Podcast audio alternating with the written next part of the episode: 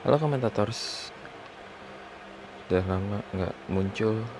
Ya udah Sekian hari Gue baru muncul lagi Baru rekaman lagi. Dan uh, eh, Gue akan mengisi episode 2 ini dengan uh, Mudah-mudahan singkat Insya Allah singkat Dan pengennya juga singkat. Tapi ya Sebenarnya gue udah uh, pernah rekaman um, seminggu yang lalu kira-kira sama temen gue namanya Ageng. Dia teman diskusi gue teman buat gue bertukar pikiran. Banyak hal yang bisa gue dapetin dari dia dan gak ada yang dia dapetin dari gue sama sekali. Karena gue cuman biasanya kalau dalam diskusi itu cuman ngedengerin aja.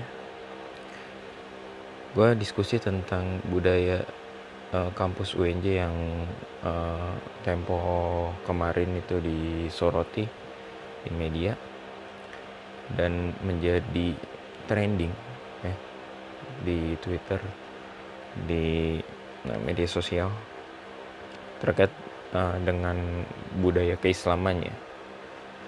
Yang sebenarnya itu awalnya dari dari uh, salah satu akun namanya Space UNJ. Dia mengkritisi tentang foto uh, badan pengurus harian di uh, dua fakultas eh dua BEM fakultas BMFT Fakultas Teknik dengan BMF MIPA yang di mana foto perempuannya itu di blur dan sebagainya dan sebagainya dan sebagainya. Kalian bisa uh, cek sendiri rekam jejaknya. Cari aja FMIPA WNJ atau FMIPA atau yang lainnya di media sosial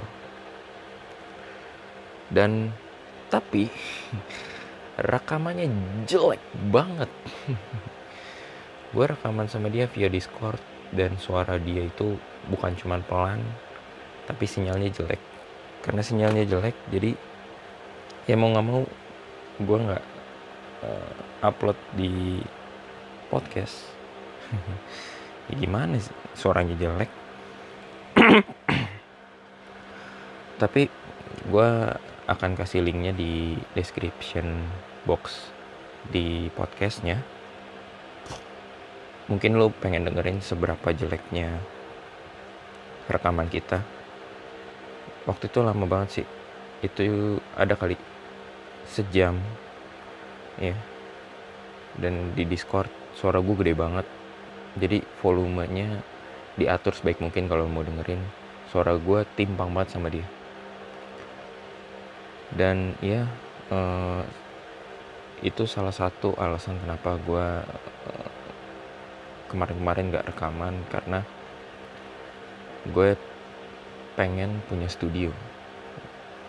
Gue berpikir gue pengen punya studio untuk ya sekadar kalau ingin diskusi sama orang kan enak ya. Jadi gue diskusinya itu nggak outdoor tapi indoor. Gue undang aja ke rumah gue atau ke mana gitu ya tempat studio gue dan rencananya sih di kamar studio gue tinggal undang aja ngobrol bareng selesai pulang. Ya, ya sama bincang-bincang dikit lah sama ya mungkin ngasih kenang-kenangan tapi nyatanya gue gak punya duit. Buat bikin studio yang ala kadarnya. Dan kemarin-kemarin ya gue cuman tersendat hal itu di pikiran aja. Dan sisanya urusan lain dan ya gue pengen mengisi episode kedua ini dengan membahas hal yang tidak terlalu penting lagi yang kita sering sebut dengan toxic positivity. Sesuai namanya toxic positivity adalah keracunan hal-hal positif. Hal-hal positif di sini uh, berkaitan dengan semangat berkaitan dengan hmm, apa namanya ya tadi semangat eh, dorongan nasihat motivasi dan sebagainya dan sebagainya dan sebagainya. Tapi hal ini dibawakannya dalam waktu yang tidak tepat. Gue berpikir begitu di dalam waktu yang tidak tepat. Ya menurut gue sah-sah aja atau bisa-bisa aja orang bisa jadi semangat dengan dengan kata-kata ayo semangat kamu pasti bisa orang bisa semangat dengan hal itu namun nyatanya di dalam waktu-waktu tertentu orang malah jadi kesel sama kita ya enggak sih? Dengan dengan semangat semangat itu. Dan gue adalah orang yang uh, kesel kalau gue disemangati dengan cara seperti itu. Bagi gue gue akan berpikir uh, eh, gue akan ngedumel dalam pikiran gue kalau lu nggak ngerti tentang masalah gue jadi percuma lu menyemangatin gue kadang gue omongin tapi kalau orangnya nggak terlalu gue kenal gue diem aja dan ya udah senyum senyum aja dan ya udah ya makasih dan sebagainya.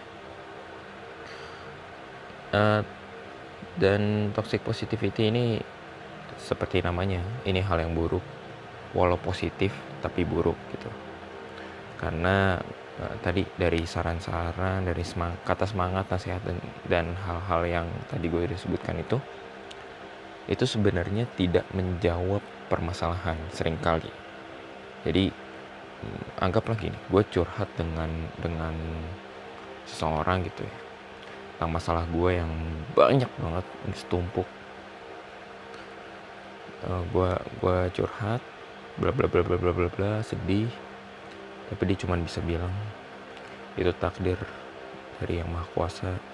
Lo harus kuat. Tapi jangan sampai uh, apa ya lo yang tabah. Semangat ya. Hmm. Iya, gue langsung kayak, aduh, gue salah pilih orang. Tapi sometimes buat gue itu hal yang uh, ampuh. Sering kalinya enggak buat gue sendiri.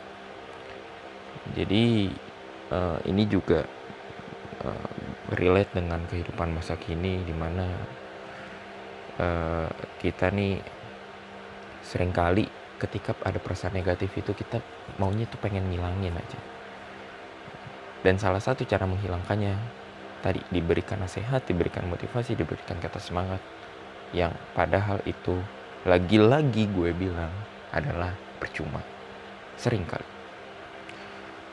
Karena ini nggak baik buat kita dalam jangka panjang. Kalau misalkan kita uh, lambat laun kita menutup pikiran negatif kita. Ini ini namanya kita menutup ya menutup pikiran negatif kita. Kita nggak terima kita ingin tutupin.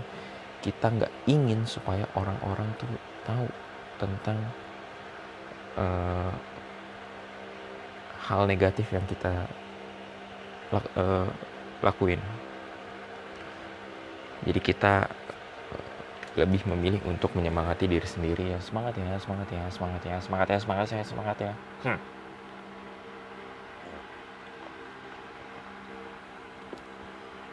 tapi akan lebih mudah sebenarnya kalau misalkan kita bisa menerima perasaan negatif kita dengan pandangan yang lebih realistik. Harusnya jadi uh, kalau misalkan kita lagi sedih uh, kadang logika itu jadi nggak nggak berpu nggak nggak jalan. Itu uh, kondisi pada umumnya.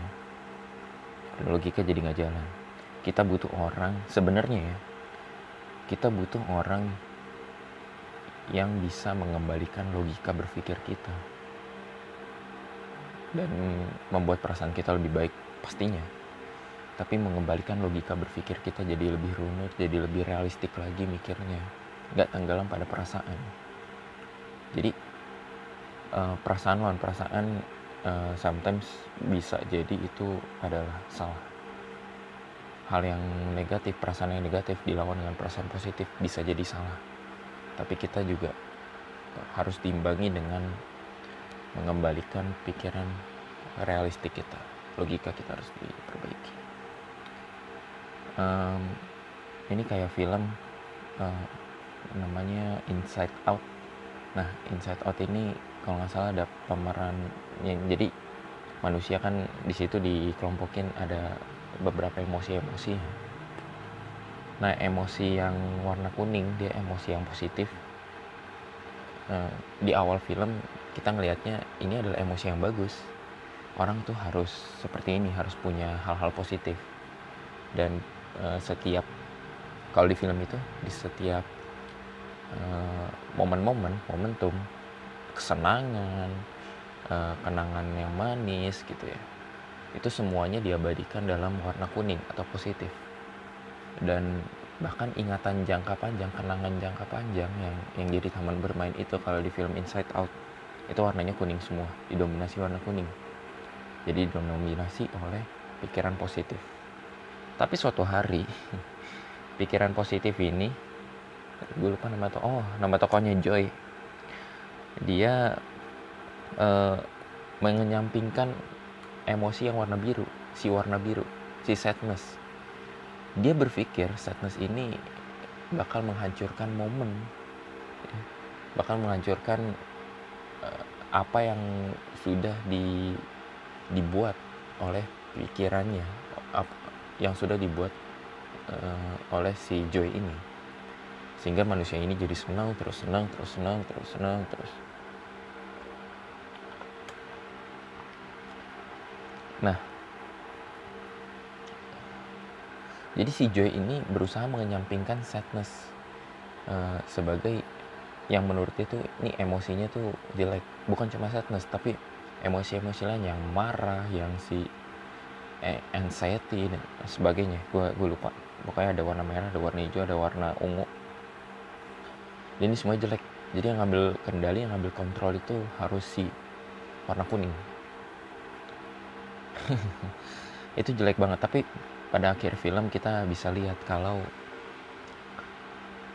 eh, pada akhirnya air mata lah yang bisa membuat uh, kan ini tokoh utamanya di pikiran si anak cewek ini ya cewek.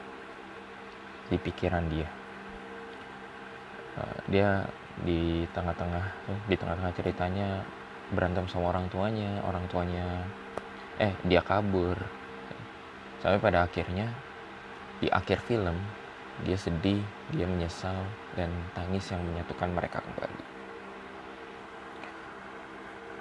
Dan di dalam kondisi yang lain kalau kita ambil skop yang paling luas itu masyarakat masyarakat Indonesia pada umumnya itu mengenyampingkan masalah kondisi mental. Uh, iya. Jadi masyarakat Indonesia cenderung nggak terlalu banyak reference tentang kondisi mental seseorang. Gue punya temen temen gue pernah uh, depresi dengan urusannya sampai dia kabur dia menghilang. Dan suatu hari dia udah bangkit kembali udah uh, dapat semangatnya.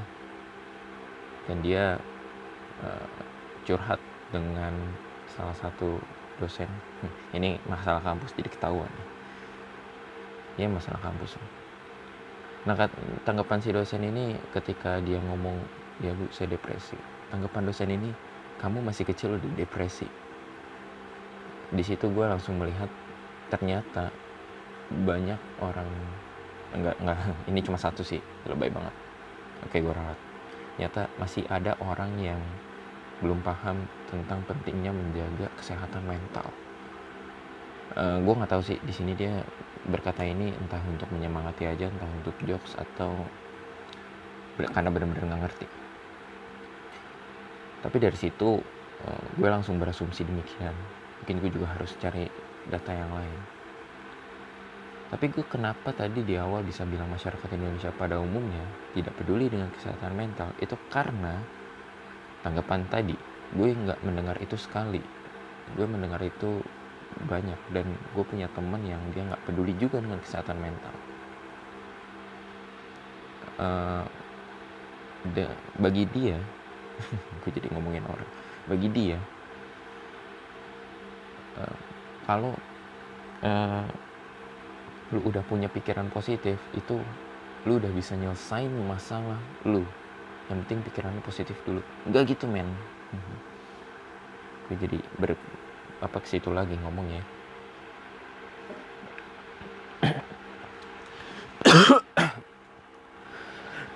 aduh sok iya. Jadi dari omongan-omongan tadi masyarakat Indonesia umumnya tidak terlalu peduli dengan kesehatan mental. Makanya banyak orang yang menahan energi negatifnya. Banyak orang yang menahan kesedihannya. Ditahan ya bukan di, diterima.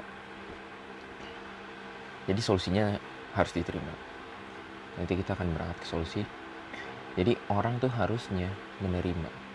Tapi banyak yang menahan dan men, menumpuk hal hal energi negatif ini dengan energi-energi positif yang di mana ini sifatnya jangka pendek.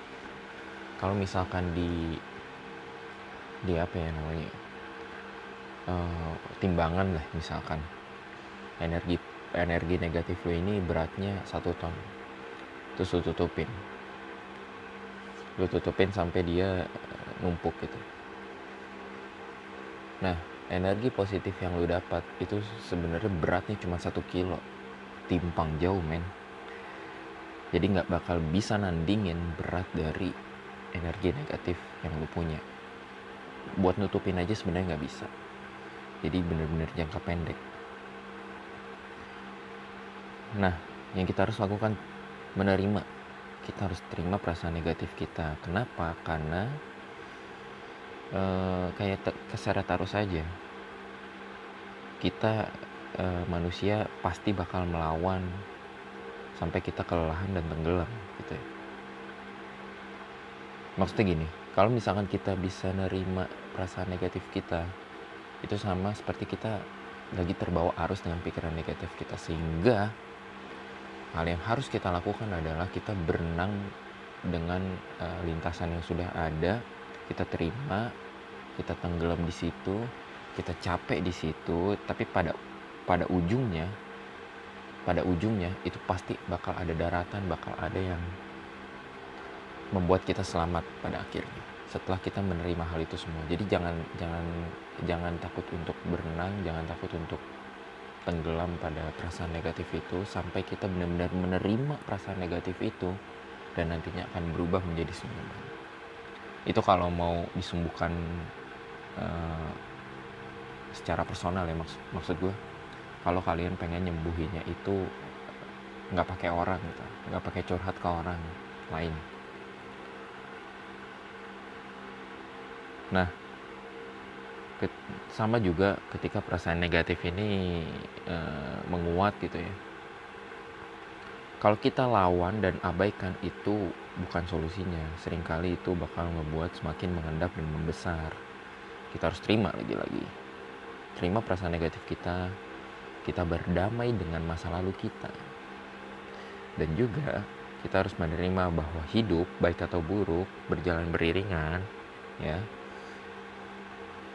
kita tidak dapat berjalan sendiri kita butuh orang ya tapi jangan salah orang untuk curhat maka dari itu kita juga harus selektif dalam memilih teman gue umur gue sekarang 23 tahun sebenarnya tahun ini 24 gue merasa gue lebih selektif dalam memilih teman.